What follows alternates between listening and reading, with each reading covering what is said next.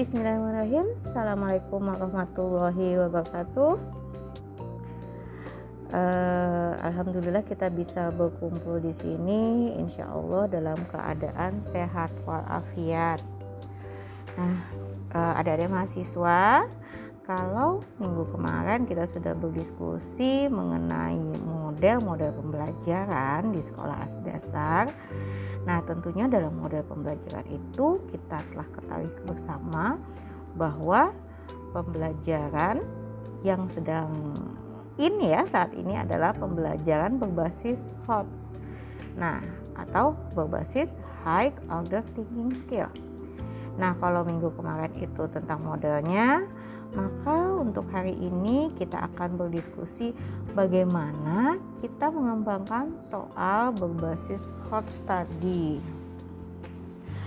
Oke, nah di sini eh, kalian sudah semester 4 ya Nah, di semester 4. Apakah untuk materi sebelumnya untuk atau maksud saya di mata kuliah lain sudah ada yang membahas tentang HOTS? Oke, mungkin ada juga di mapel lain mungkin yang IPS atau di pendidikan PKN yang membahas tentang HOTS. Nah, di sini kita lebih fokus pada pengembangan soal berbasis HOTS yang mapel IPA-nya ya. Oke, baiklah. Nah, di sini kompetensi yang kita harapkan adalah eh, mahasiswa dapat terampil ya atau dapat merancang pembelajaran IPA berbasis host dan juga mahasiswa dapat merancang ya, merancang evaluasi berbasis host. Nah, oke. Nah, di sini ya.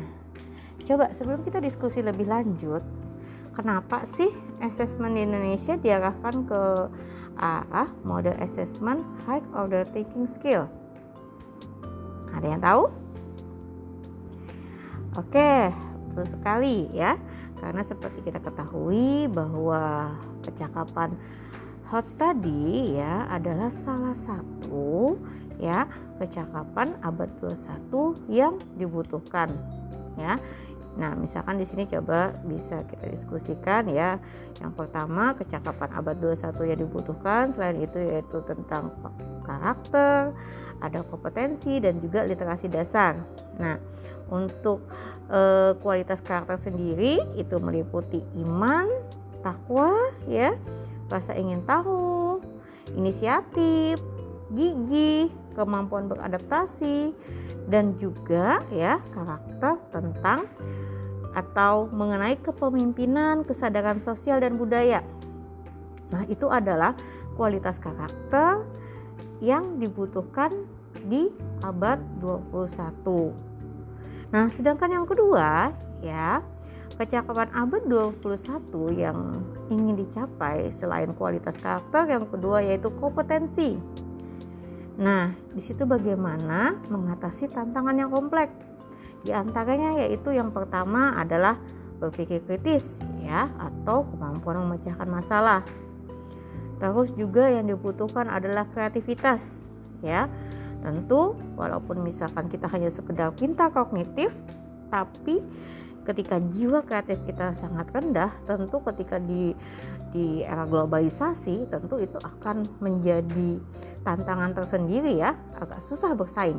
Karena sekarang yang dibutuhkan bukan hanya sekedar pintar, kognitif, tapi juga bagaimana kita harus kreatif. Nah, yang ketiga komunikasi. Ya, pintar secara akademik, tapi kemampuan komunikasinya rendah. Ya, tidak bisa mempresentasikan atau tidak bisa bergaul, tidak bisa uh, berkomunikasi dengan baik dengan orang lain. Tentu itu akan menjadi masalah dalam dunia kerja maupun di era globalisasi sekarang ini. Nah, itu tadi ya. Itu yang ketiga dalam hal kompetensi. Nah, selanjutnya yang keempat yaitu kolaborasi. Nah, seperti kita tahu, zamannya sekarang bukan hanya berbicara kompetisi, tapi tentunya yang harus kita tekankan di sini adalah jiwa kolaborasi, ya.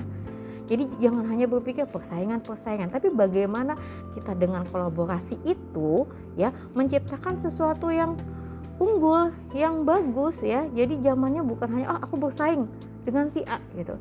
Tapi bagaimana kita berkolaborasi dengan orang lain sehingga bisa mencatatkan sesuatu yang mengagumkan, sesuatu yang hebat, sesuatu yang wah. Nah, itu penting ya di di abad 21. Jadi jangan lagi makanya kalau mahasiswa jangan lagi kita iri-irian terhadap nilai ah si A IPK-nya ini aku harus bersaing. Tidak ada ya. Zaman mahasiswa ini tidak ada berpikir nilai adalah segala-galanya ya, tapi proses pembelajaran yang kalian dapatkan di bangku kuliah itu prosesnya itu yang kalian butuhkan. Nah, salah satunya itu tadi kolaborasi. Nah, dan yang ketiga ya, kecakapan abad 21 yang dibutuhkan adalah literasi dasar ya. Bagaimana menerapkan keterampilan inti untuk kegiatan sehari-hari dari misalkan calistung, literasi sains, literasi informasi, literasi keuangan, literasi budaya dan kewarganegaraan ya. Jadi harus kita tingkatkan kemampuan literasi. Jangan mudah termakan hoax ya. Baca berita sedikit dari Facebook, IG, WA tanpa tahu kebenarannya langsung di share ya misalkan ada apa ya? Banyak sekali ya hoax. Yang hoax kiamat lah yang tahun 2022 apa 12 12 ya? Kiamat eh percaya. Nah yang ini belum lagi tentang misalkan politik lah apa yang berbicara hoax itu disebarkan. Nah dengan kita memiliki kemampuan literasi yang bagus ya harus dicerna dulu dicari sumbernya yang betul ya apalagi jangan sampai kita sembarang menjebarkan informasi yang salah. Nah, jadi itu harus kita tingkatkan, harus kita galakkan kemampuan literasi itu ya, jangan mudah termakan hoax. Oke. Nah, di sini seperti kita ketahui tadi dari percakapan hidup abad 21 itu ya eh, kita belajar tentang ya bagaimana learning to know, learning to do, learning to be dan learning to live together. Nah, ini adalah konsep bagaimana kecakapan hidup abad 21. Nah, selain itu yang menjadi dasar ya, dasar kenapa eh, apa namanya? harus pengembangan soal berbasis hot dari hasil PISA tahun 2012 ya.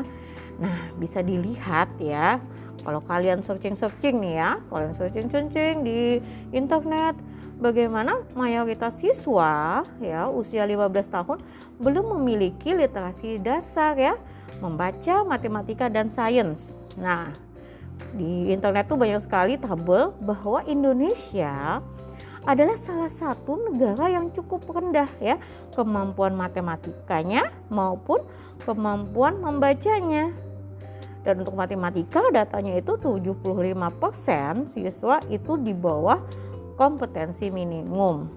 Nah, sedangkan untuk membaca 56% siswa di bawah kompetensi minimum. Nah, kita tahu sekali sekarang tuh sudah uh, apa ya? Anak-anak zaman sekarang itu remaja apa lebih suka membaca status daripada membaca buku. Ya kan? Coba di sini berapa banyak buku yang sudah dibaca dalam satu minggu? Ya satu bulan deh dulu. Nah coba dilihat berapa kali kalian update status dalam satu minggu misalkan satu bulan? Nah tentu mungkin lebih banyak membaca update statusnya ya daripada membaca buku. Nah di buku di sini bukan hanya buku cetak buku digital juga ada. Tapi yaitu tadi ya kita harus tetap meningkatkan Kemampuan membaca buku bukan hanya sekedar membaca saja, tapi di situ ada proses analisis, ada proses berpikir, bukan hanya sekedar membaca dengan taraf yang rendah.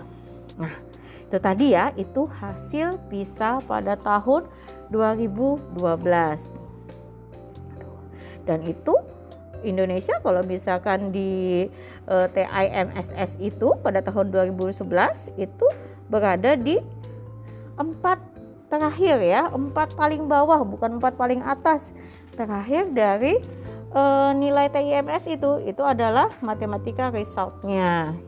Nanti mungkin e, bisa di sharing kalau kita bertemu nanti secara luring atau daring ya atau yang nanti melalui zoom kita akan berdiskusi mengenai tampilan yang LMS itu apa e, grafiknya Nah, mungkin itu sekilas untuk dasar dari uh, kenapa harus ada pembelajaran HOTS ya.